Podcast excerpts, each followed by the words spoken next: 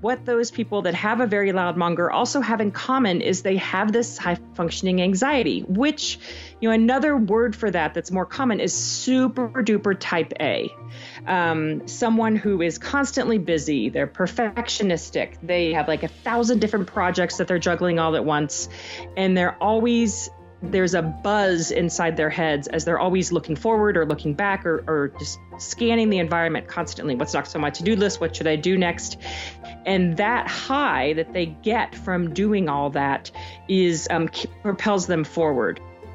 That was Nancy Jane Smith, and you're listening to episode 160 of the Building Psychological Strength podcast, where we uncover the information, tools, and techniques to turn our minds into our most valuable asset.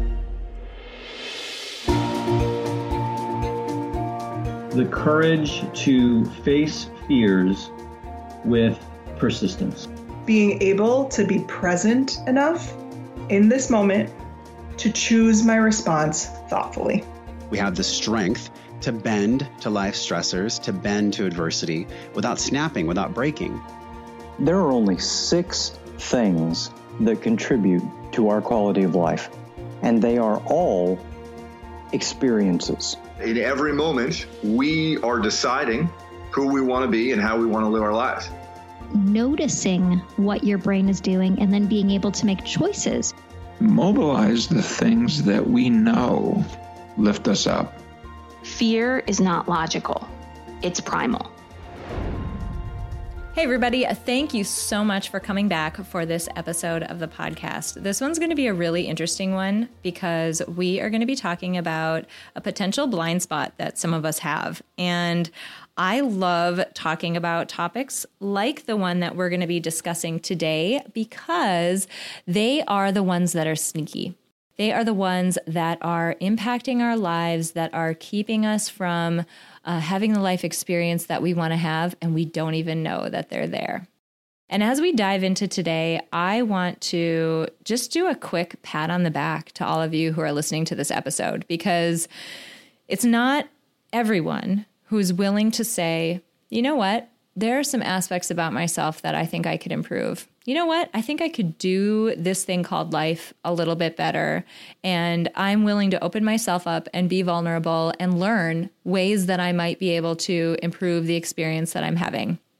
And you're doing that. You're coming back here week after week, learning from these incredible experts from the fields of psychology and life design. And I just want to give you a huge pat on the back for that because, uh, you know, we'll talk about it in this episode. Each of us is getting one life to be here. We're getting one shot at this beautiful life.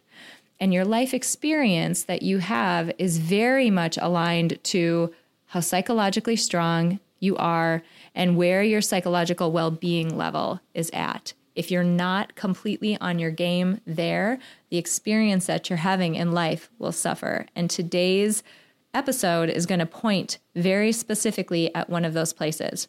But before we jump in, I want to do a quick listener shout out. Someone left me a comment on uh, iTunes, and I, I love their username. Their username is AW Loves Pinterest. Thank you. I also love Pinterest. Pinterest is awesome. but I love that username. Um, and I'll read you their comment really quick. It says, I love this podcast on so many levels. The guests are so rich with knowledge. April is relatable, energetic, and a contagiously fun host. That made me so happy. And the tools I learned from the episodes have applied to many real life situations. Anyone can benefit from listening to this show. Thanks for sharing the goodness. I'm so excited about that because, you know, the I especially the piece where the tools that you're learning on this show are ones that you can apply. This is going to happen this week. At the end of this episode are some actionable steps that you can take to make a meaningful improvement in your life. And we'll get into the domain that we're going to be talking about in just a moment.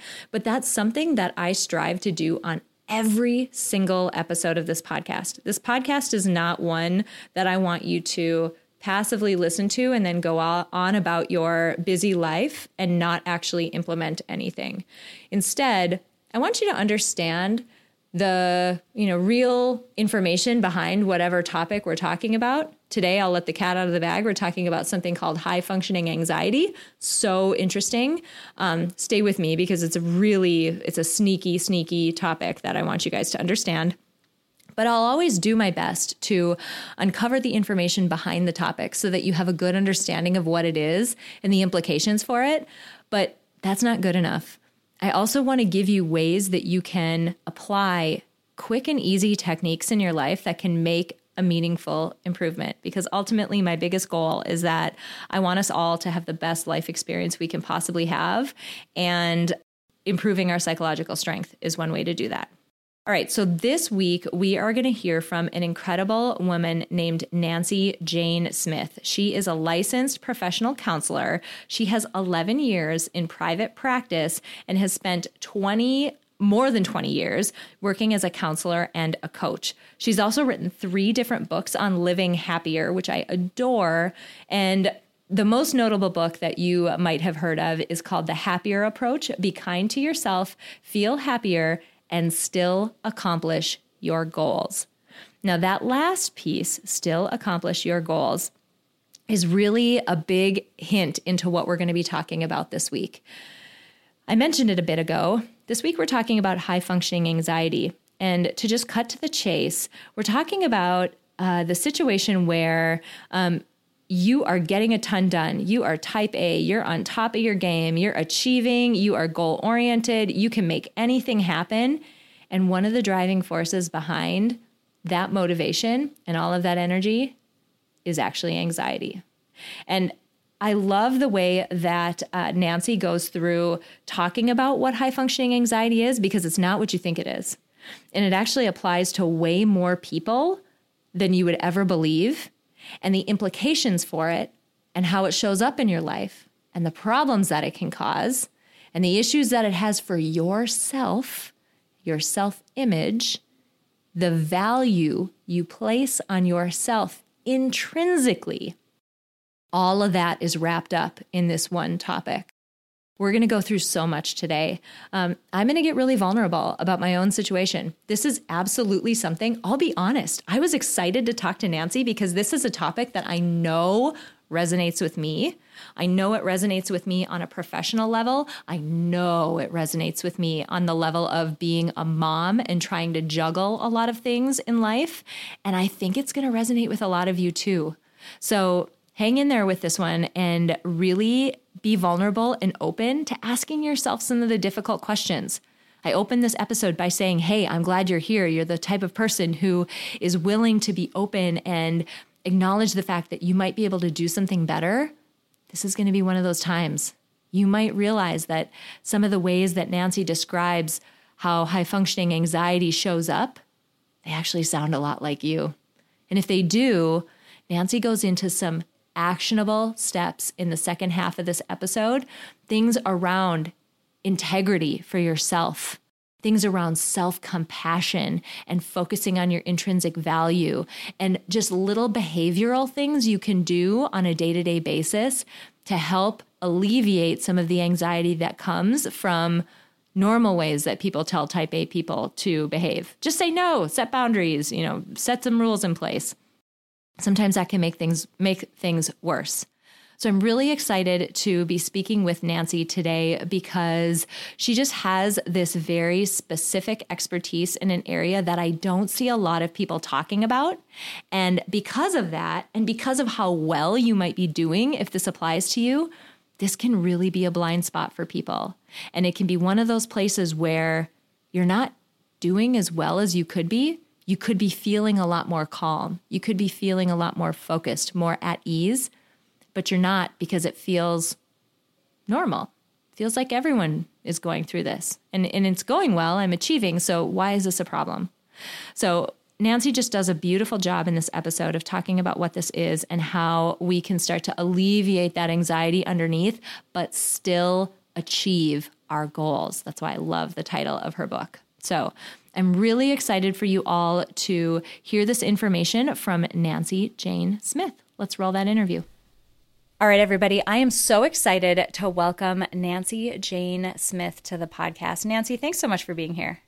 Oh, thank you so much for having me. I'm excited for this conversation. Oh, me too. The the info that we're likely going to dive into today is a topic that I think might surprise people maybe in a good way and maybe in a little bit of a scary way for some people um, because i think it's one of those things where you know we all have potential blind spots that uh, we might not be aware of and in in today's conversation it's going to come up just for folks listening to this it could come up as a blind spot of a place that you have an ability to make an improvement in your life that you might not have realized is even there. So those situations are so powerful, but I'm already getting away, uh, getting ahead of myself. So we'll just stop and slow down and regroup and start where we should start. Nancy, tell us a little bit about yourself and the work that you do. Well, I am a licensed professional counselor and coach, and I've been um, in practice since 2007 and I specialize in working with mainly women. I, I work with men as well, but um, women just tend to come to me more easily. Um, in specialize in helping them deal with high functioning anxiety. Okay, so boom, right there right? That is a word that people may or may not have heard. So that that word right there, high functioning anxiety is the thing that I I saw about you and I'm like, "Oh my gosh, we need to talk to her because I mean, selfishly, it's something that applies to me. but but because of that, I know that there are a lot of other people that I've interacted with, both in the Peak Mind community and um, just in my general life, who absolutely could benefit from this information. So I hope folks who are listening to this can already see why I'm excited to have this conversation. Um, can we dig in? Can you give us just a little bit of info on what you mean when you say high functioning anxiety?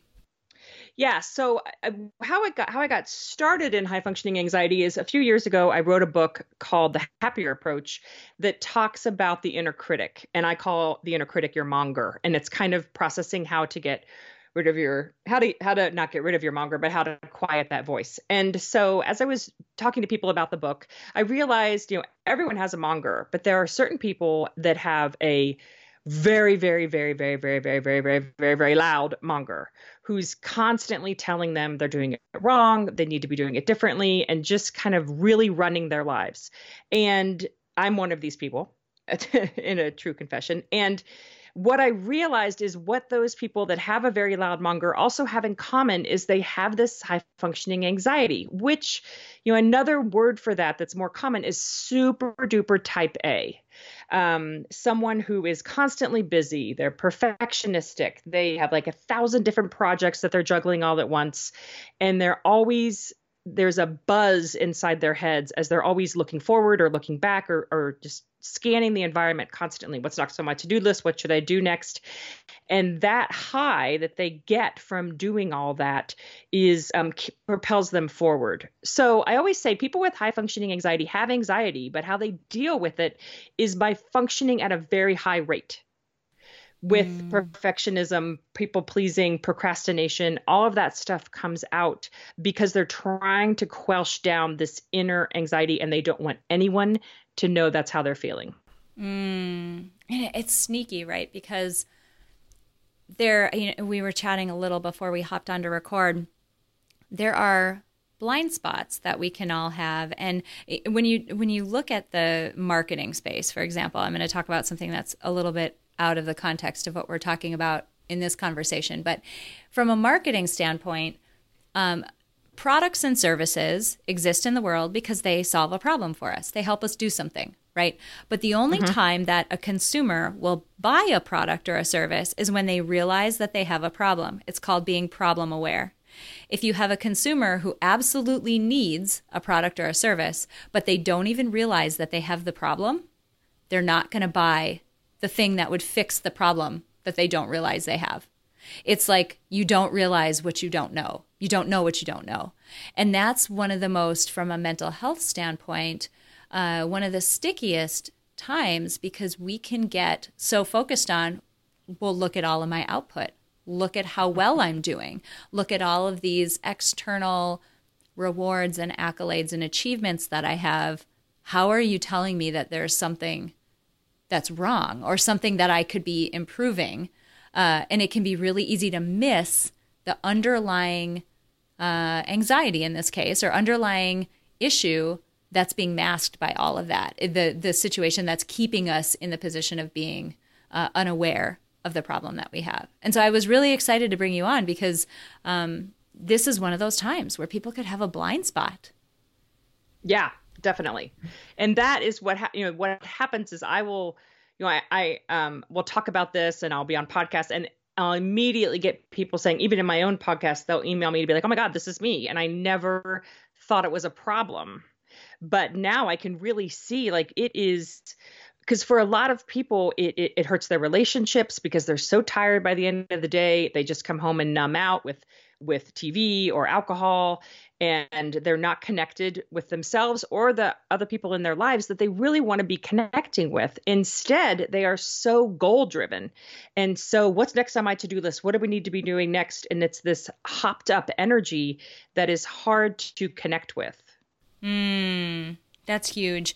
I'm wondering if we can almost do some defining and take a step back and talk about anxiety in and of itself because there's some markers of some of the things that you've said that really tie the link between you know the topic that we're talking about high functioning anxiety and just what anxiety is you mentioned this notion of not ever being in the present, right? In the past, Yeah. in the future, the constant mental chatter. Can you go through some of those at a more basic level and then let's talk about how they might relate to a person's experience who is in this this high functioning version of what we're talking about? Yeah, so a couple years ago, I read the book um, First We Make the Beast Beautiful by Sarah Wilson, and it is about her journey through anxiety. And when I read the book, I was like, oh my God, like she has a very, I would say, extreme case of anxiety. But when I read the book, it really humanized for me how anxiety shows up. And uh, the stereotypical way we think of anxiety is, you know, you have a panic attack or you're agoraphobic and you won't leave your house or you have major social anxiety. But anxiety is is sneakier than that, especially high functioning anxiety. But anxiety is the idea of um, just this energy that's that's there all the time, and um, it can result in headaches and stomach aches. It can come through in um, an inability to make decisions, like racing thoughts. It's that 4 a.m. wake up where you can't go back to sleep because you're just so overwhelmed. Um, I'm trying to think of some other way. It, like I, for one, have a lot of digestive issues, and that's how my anxiety shows up. And I will recognize that I'm feeling anxious um, because I'll have anxiety because I'll have digestive issues. I'll recognize I'm anxious because I have digestive issues more than I will recognize that I'm actually feeling anxious. Mm. And it, it is. It's so sneaky and so pervasive. Yeah. In that way. Yeah. It's also so um, normalized. I mean, we kind of wear it as a badge of honor. And if there's one thing in the world that I'm on a mission to change, it is that that we we don't have to be this driven. We can still accomplish our goals without this massive underlying energy of anxiety. Mm. And you see that, right? You you can see that in you know I look at a lot of entrepreneurial um, things, and you can kind of see that in this like hustle and grind culture. This notion of everything needs to be fast paced, do a hundred things at the same time, uh, and we know that that's the opposite of what it looks like to have a calm, focused, strong, resilient mind where you can Mhm. focus on one task. You can really uh, quell that mental chatter. You can, uh, I mean, essentially, you can focus on one thing at a time. And I've been on both sides of that camp. And I, I want to talk to the people listening to this right now if any of this is resonating, even just as we've talked about this definition of what it is. I've been on both sides of the coin. I've been in the situation where my mind was the loudest place possible to be, Mhm. where my to do list, my shopping list, my task list for my job, the projects that I have going on, the goals that I have, the stuff I have to remember, conversations, phone calls, all the stuff was on constant overload. This is just one example of the ways that it showed up. There were Mhm. others. It was the noisiest, loudest place to be. And I have been on the other side of the coin where I've come to more recently, where my mind is actually a very quiet, typically, not always, a very quiet, focused place to be. and I'm still achieving. it's possible yes, exactly. to do it without having your mind be that way. So I just want to tell people this episode is really coming from my heart because I know there are people out there who want to have that high achievement, want to do big things in the world, achieve big goals. But I want to be someone who can come here and tell you exactly what you just said, Nancy. It is possible to do this without having the screaming chatter or whatever the symptom that you tend to have. It's possible to do it without that. Yeah. And a lot of that screaming chatter, you know, for me, the biggest when I start working with clients, there's always a piece of trust that they have to trust me that um that that that that is possible because it's kind of addictive to be that hopped up to be that excited about your day to be rushing through the to-do list you know i used to come downstairs um, when i was wor- eh, working at home and i would have all this stuff and i'd be all hopped up and thinking about all these different things and my husband would would say to me i think you need to take a deep breath and I would just want to punch him in the face. Are you kidding? I don't want to take a deep breath right now. I want to stay on this buzz. Um, and then I realized that in the buzz, I wasn't accomplishing anything. I was just flickering from one thing to the next uh, because I was so hopped up, I couldn't settle myself down to do anything. That feels so familiar to what I actually, one of the biggest turning points for me that signaled. I don't th- I don't think this is normal. I don't think you're supposed to feel this way. Is that in the evenings, um, I was that person who was just uh, energy is not my problem calming down is my problem. So during mm-hmm. the day, as the day goes on, I ramp up this bank of energy just from working and from, you know, doing all these tasks that if I don't do something to burn it off and I go home, I bring that exactly it I sound textbook to what you described. I bring that insane amount of energy with me and I'm not able to be in that environment that's a lot more calm and focused. I used to call it uh, I'm coming out of work and I'm hitting a brick wall. I'm going 60 miles an hour and I've just hit the brick wall. And I've had to learn to make that transition better. And I think we should get into this a little bit in a moment. Um, but the thing that was really evident for me is I noticed in the evenings, the higher energy I was, the louder the and noisier that voice was, the more things it was trying to keep track of at one time, I would be in my kitchen or wherever in the living room thinking that life was normal and all of a sudden I would feel myself go because I mm. realized I had not been breathing. I wasn't right. I wasn't breathing and at some mm-hmm. point biology will take over and force you to breathe and that's what was happening. Isn't that just like amazing to think That's about. That's amazing. Yeah. It's just insane. So you've given a great description of you know what this looks like in people's lives can we talk a little bit you kind of touched on some of the implications for it because i want people to understand again yes this is a thing yes you can achieve if uh, at that same level without this level of anxiety that's driving you and if you don't confront this issue what are some of the ways that you found with people that uh, it started to manifest in not a great way? Because I have all kinds of things from my uh, personal life and home life that I've noticed, but I'm sure that you've had them with your clients coming in to talk to you about ways that this just is not working for them in their life. Well, one of the big ways that it shows up there, I have a lot of examples, but one of the big ways, and one of the reasons people really have an aha and become problem aware is they see it in their kids and so they can mm. notice that their kids are starting to be anxious and they're like, oh my gosh, if I'm really honest with myself, I am too. And that's the first time they have the mirror of what's really going on. So, and they want to seek help because they want to help their kids. So that's, you know, to pay attention to that in your own lives if you have children. But one of the big ways it really shows up is in control. Um, one of the ways we deal with the feelings of anxiety is if I can convince myself that I control my life and I aim for perfection, then I can kind of quell these anxious thoughts. That's what we tell ourselves. And so a lot of my clients have um, issues with food, issues with um, eating healthy, quote unquote, because that's a way they can control what's happening in their lives.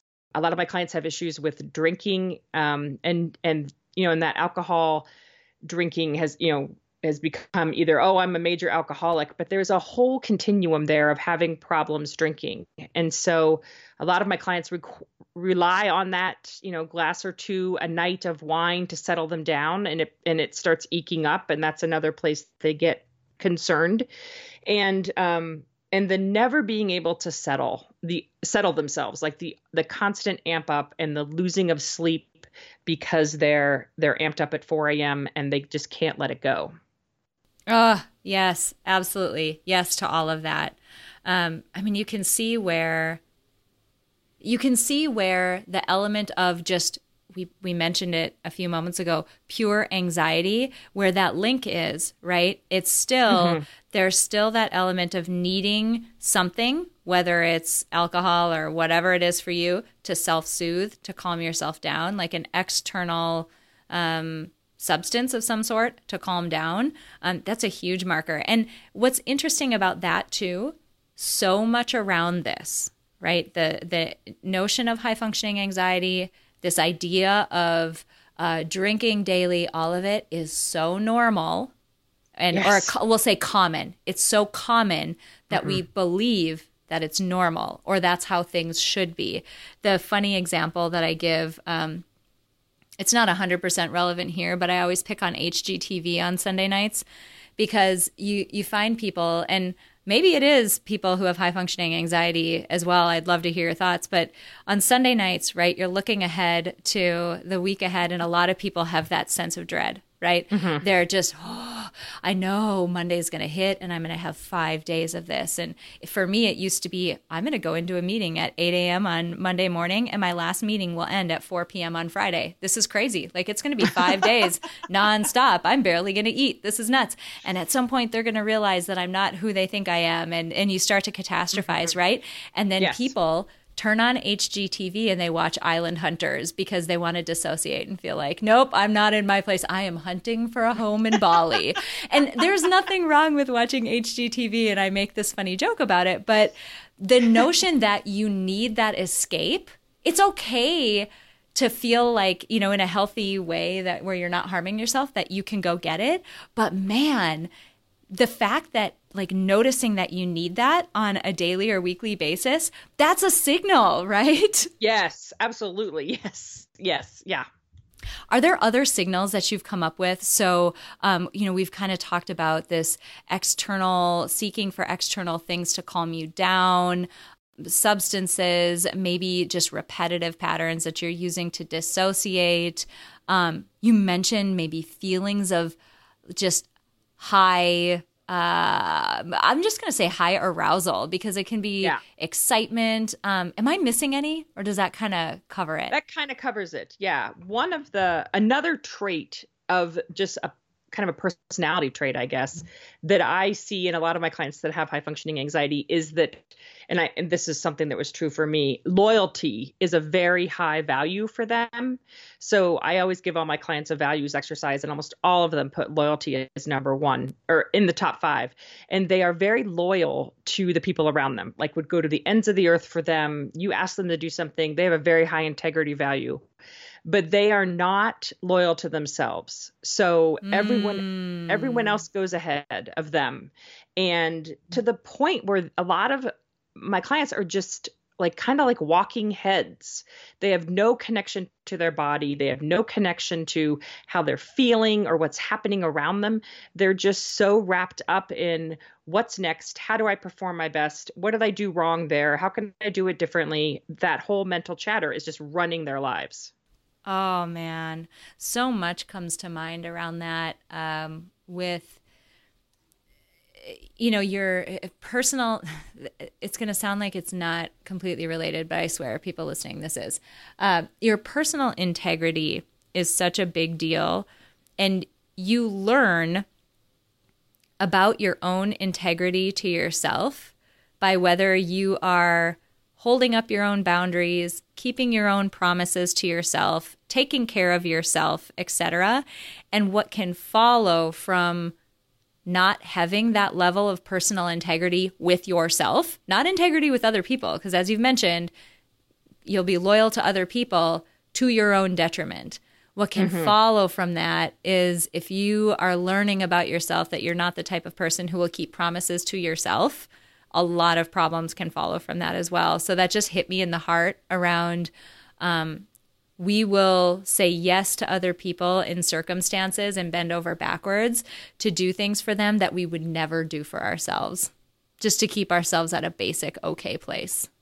Absolutely. Yes. Yeah. Oh, oh my goodness. Okay. So we've kind of talked about what this is. We've talked about what this looks like. We've talked about what's at stake. And I mean, the thing that I haven't outright mentioned that I feel like I should, it's the soapbox that I get on from time to time on this podcast is that one of my biggest goals with bringing uh, bringing experts onto this podcast and talking about these important topics like Nancy's background and the information that she knows is that ultimately our life experience, the way that we experience things day to day, the way that our memories form, our level of joy and happiness and contentment, all of that largely stems from the degree to which we're mentally strong and mentally healthy and our level of well-being is is doing okay. And I've I've talked about it a lot before, but my my passion behind this work comes from the fact that I have been intimately reminded that we, over the course of my life, through a number of situations, losing my dad, being diagnosed with an incurable, you know, chronic condition, I have multiple sclerosis, over and hmm. over, I've been introduced to this notion that we have one life.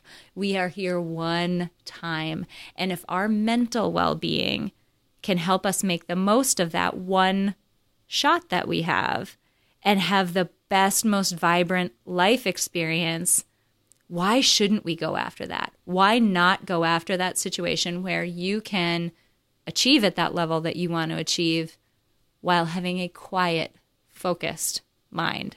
Why not go after it? So, where I'd love to go with you know the rest of our conversation is just how do we help people get there?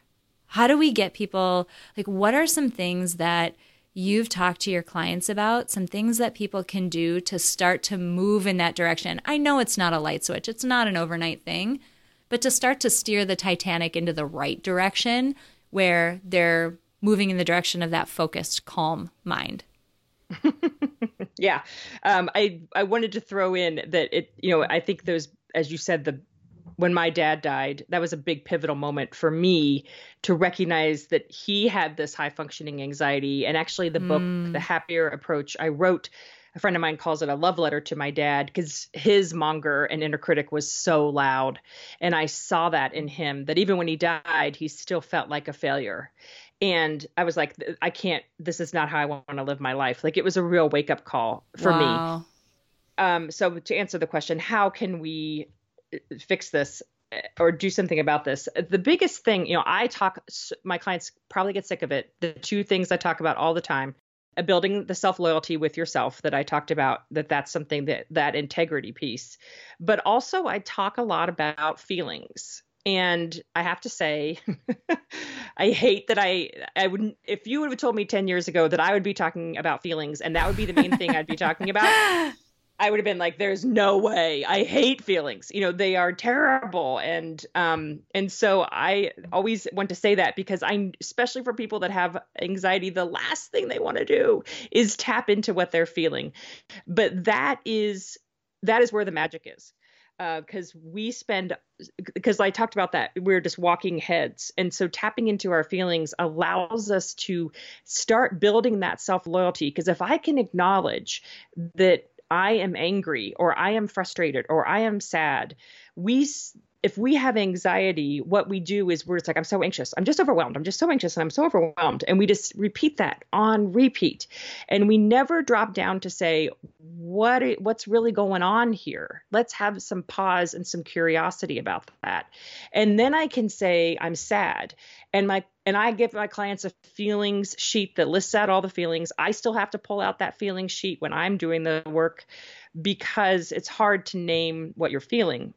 But the idea isn't to then be like, oh my gosh, you know, my dad, the anniversary of my dad's death is coming up, and it for it always amazes me how hard the weeks leading up to that are, and so th- that feeling of sadness and missing him has been coming up more. And years ago, if that would have come up, I would have been like, this isn't appropriate. We're going to work. We can't be feeling sad right now. And I would have pushed that feeling down and pushed it down and pushed it down all day long. And my stomach would have started aching and I would have, you know, been up, been getting uh, nauseous and I would have come home and just yelled at my husband for no reason because I had all this anxiety left over from the idea that I just didn't give myself the grace of saying, "Yeah, you're sad. This is sad. Mm. That's okay.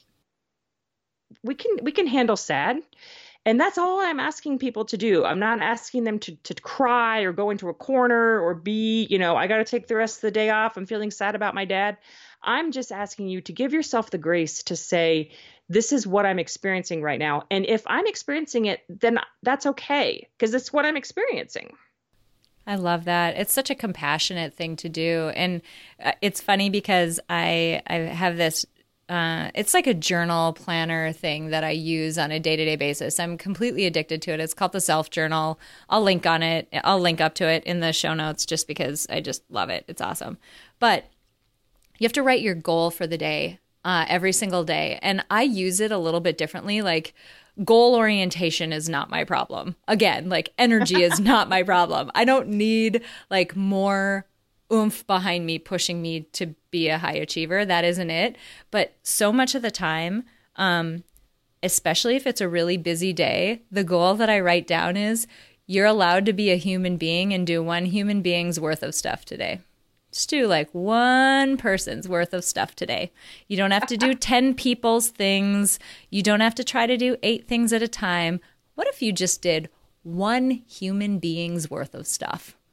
And it always makes me pause. I'm like, man, because it isn't something that comes naturally to me at all. Right. Not at all. Yeah.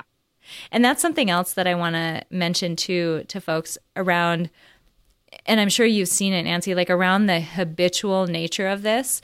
This is a beautiful example of, um, at least for me, I found that our minds are very much um, creatures of habit. We navigate to situations that feel um, familiar. I'm not going to use the word comfortable because they aren't they don't feel good sometimes, but we navigate to places that feel familiar that we've been to before. And if I've noticed that one of those places I go to is to be this like um, hyper doer, this person who is going to juggle 85 different things, even if they aren't my balls to juggle. I'll pick them up and I'll take them anyway because I'm accustomed to feeling like that person who's overwhelmed and in the middle of all of it. Mm-hmm. And it's not comfortable. It's not good or helpful either. And I just want to put those words out there and say it as clearly as I can because, again, there might be somebody listening to this who notices, man, I'm that person at work who uh, somehow I always end up doing everybody else's job in, in addition to my own. Uh huh. Yeah. It's not your ball to pick up. Why'd you pick it up? And oh, but it wouldn't have gotten done. Okay. Exactly. Okay. but you know, you get so accustomed to being that person who's in the mix and sort of buzzing in the middle of all of it. Um, and I, I can say that with love because I was that person. and I think that for me, that was where the the self help and the you know the mental health industry kept me stuck in anxiety because they kept saying to me set better boundaries and stop being such a perfectionist and change you know say no. And every time i did that my anxiety would go through the roof. And because i didn't know how to do that and be kind to myself at the same time. I didn't mm. know how to say oh when you watch it, i had a, a client who um, to you like how will it get done? To that example she always ordered the copy paper for her office. It wasn't her job but she just always would notice when the copy paper was down and she would order it. And so i was like and she hated it. She was so mad about it. And i was like well let it go down. Let the office run out of copy paper. And someone else will see that and will order more. And she you know but and she was so dis Uh, you know uncomfortable with that. And that's the piece that we miss is being kind to ourselves as we sit in that discomfort and recognizing this is hard this is unnatural this isn't something i normally do. How far can i let this go? Can i let it go all the way until we're out of paper? Or can i you know let it go down where we're just going to run out and then maybe i'll ask someone else to order the paper for me. So we don't have to go cold turkey. It isn't all or nothing. We just need to be making little manageable changes where we're challenging that discomfort piece for ourselves. Mm, I love that. And the other piece that's coming up for me that it's it's resonating as well is taking or how you would define your value as a person do you find that people in that situation, I'm valuable as a person because I'm able to do this for other people, achieve that result, get that thing done, whatever. I'm value be- valuable because of what I can produce, not intrinsically because of who I am. Because exactly. if you can turn it inward and say, let's just for for funsies, let's just run a thought experiment. What if you are perfectly, beautifully valuable just because you exist as the person, the unique person that you are. And I don't mean that in like a fluffy, let's all hug it out, the world is rainbows and puppies, but legit. What if you, what if your value does not come from what you can produce? What if it comes from the fact that you, you're just here? Mm-hmm. Then it lets you off the hook a little bit about your value does not really come from the fact that you order copy paper. right. It, that that isn't it. Because some again, like what happens then if you don't do it? Your whole, you know, ab- ability to value yourself is gone because you didn't do this one task or you weren't able to. Maybe you felt sick or you're tired one day. That's yeah, crazy. It's a house of cards. I mean, that you're building that it's all built on this when really it's that it's all built on that on the cards you put up but really it's your valuable period and something I have started doing about a, a couple months ago, I realized that has made a big difference in that area because that's something I still struggle with sometimes is when I would go to the bathroom, I would recognize that I would go to the bathroom and I'd wash my hands, but I never looked at myself, really looked at myself in the mirror. You know, I would make sure that my hair was okay or whatever, but I didn't pause to really look at myself. And so I have made it a practice and I'm a big fan of these little things you can do to mini, I call them, you know, mindfulness hacks that you can do throughout the day that kind of jar you into being like, oh yeah, look, I have a whole body here. And one of those was I started making eye contact with myself in the mirror and just saying, how you doing today? How you doing? Just internally. I'm not saying it out loud, but it it reminds me of, oh, look at you. You're a person. You're a human mm. being who has thoughts and feelings. You're not just here to serve the rest of the world. You're here to take care of yourself too. And it's been every time I do it, um, I get tears in my eyes because mm. it's really connecting with myself. And I think I'm tearing up because I'm recognizing how much I have turned away from myself and haven't given myself that kindness and grace. Mm there's uh, one group of people who immediately comes to mind, and this is not the only group of people who this uh, pertains to. I think every single person in the world could benefit from doing that exercise that you just said. Um, but I, I, I'm it's particularly top of mind because I'm I'm exiting that period um, when you have very young children, um, particularly when um, you know they're they're in that first year of life even when their needs are really high. And even in those first few weeks if there's anybody listening to this who has a very young young young child i am high-fiving you through this podcast because i see you and i know what that's like. Um, it's funny but we we have to say no you're a whole person. You're allowed to go to the bathroom. You get to have a break. You get to eat. You get to shower. And it's not um, to me, it felt like in that period, this was well prior to me working on um, what I can now say after talking to you was definitely high functioning anxiety. Um, before working on that, it would feel like I was shirking my responsibility by asking somebody else to hold the baby so that I could eat. Like oh, a, wow. A basic thing, like go to the bathroom, take a mm-hmm. shower, the baby cries, the baby cries. Like, take a shower. And I can say that now with a clear mind.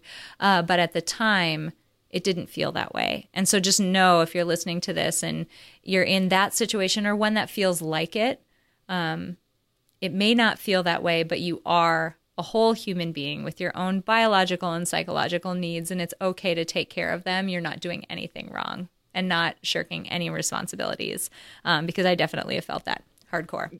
Yes, yeah. So we've kind of talked about some tangible things, but I want to make sure that we recap them with a nice little bow for people. So you talked about, uh, keep me honest with this list. You talked about personal integrity, keeping promises to yourself, and um, all that goes with that. We talked about self compassion um, for the fact that you are human, and you, well, we talked about it again that you have needs. Um, other actionable things. You've mentioned a number of them, and I wish I would have been writing every single one of them down, but I got all engaged in our conversation and forgot to, frankly. so I, I always say, you know, the acknowledging the feelings and, you know, mm. kind and, and even if, if the feelings word is too much for you, which I totally understand, just acknowledging what's going on with you, acknowledging what's coming up, acknowledging that you're angry in the car and um and one of the th- and then the i'm going to go back to think positive and be grateful in a second because i want to go to the sec another thing that's tangible is um getting in your body. And to me that's another thing that i always that i never want to do.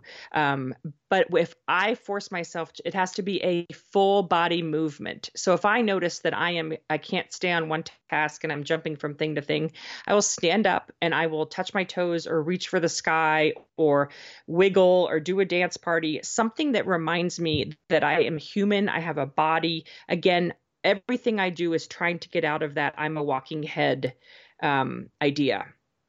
But something that people with high functioning anxiety do a lot is they love the idea of thinking positive and being grateful and they take those two phrases to the extreme. So that they don't have to feel anything. So if they're feeling if i'm feeling sad about my dad well i should be grateful. I had him for 78 years. I should think positive. My mom's still here.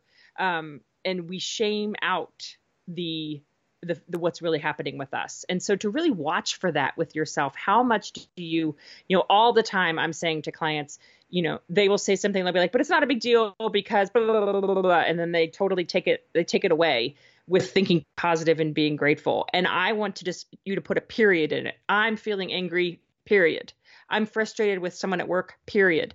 You don't have to explain it or justify it or make it pretty. That's so good. That is so good, especially in this age of um, we talk about a lot on this podcast some elements of positive psychology. There's other you know areas of the field that we definitely talk about here too. But one of the biggest misconceptions there in one way that a lot of people get it wrong uh, and i'm going to point right at uh, me and my group of people with high functioning anxiety is that you can look at it as if you're not just putting a rose colored glasses spin on everything, you're doing it wrong. And in fact, by doing that, you're doing it wrong. like, it's not what it means at all. It means cultivating all the things that make us mentally well and mentally healthy positive emotions being only one small and not even the most impactful part of it. Um, so that was really great because it's it's almost as though we turn everything into a competition. How much can we do this to the fullest extent, yes. uh, and and really turn this into some type of competition? Um, I'm curious within the field or within the the work that you do. Um, as we're wrapping up, I always love to ask my guests who have these varied backgrounds and these deep expert this deep ex- areas of expertise what does it mean to you? What does it look like to you for somebody to be psychologically strong? What does that look like? I think for someone to be psychologically strong means they have a strong integrity with themselves. And so they can, whatever pops up for them, they can trust that it'll be okay. Even if it's something scary or sad or they they have the psychological strength to know where they need to ask for help where they need to take a break where they need to stop where they need to keep pushing um, and they can do all of that with a sense of kindness. That was so good. I love that. That's not something that i've heard I don't think anybody mention when I've asked them that question. So it's a really great nuance to bring in is that aspect of being kind and compassionate and having some integrity toward yourself. I love that. if people are interested in um, your book or your podcast or you and the work that you do, where can people learn more? They can find me at live-happier.com and my pod both my podcast and my book are called The Happier Approach. So you can find The Happier Approach anywhere you listen to podcasts and then you can order my book on Amazon or barnesandnoble.com. That's awesome. Thank you so much for sharing that. Thank you so much for being here. I was so excited for this conversation and it did not disappoint.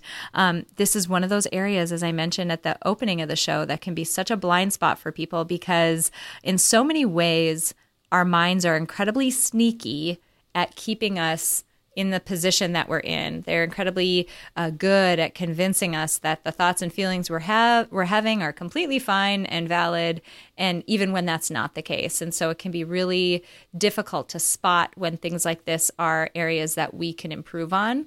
And I love how clearly you've laid out what it looks like to um, have high functioning anxiety, so that people who resonate with that can really think about how that might be manifesting in their lives and how they can make some um, improvements. So, thank you so much for being here, Nancy. This has been awesome. Thank you. Thanks for having me. It's a simple fact that nearly everyone in the world could benefit from building psychological strength. But not everyone will put in the time and effort to do so. But today you did. Thank you so much for listening to this episode of Building Psychological Strength. Now, if you're interested in building the mental toughness, confidence, and resilience you need to thrive through life's ups and downs, visit us at www.peakmindpsychology.com.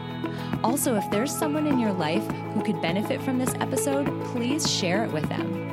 And if you yourself found this episode valuable, meaning if you took away even one insight that you can use to build psychological strength in your own life, we would so appreciate it if you would drop us a rating and a review on iTunes. The thing is, the more ratings and reviews we have, the easier it is to get this powerful and important content out to the people who need to hear it. Remember, your mind can be your most valuable asset or your biggest liability, and you get to choose. So choose wisely, my friend. And I'll see you next time on Building Psychological Strength.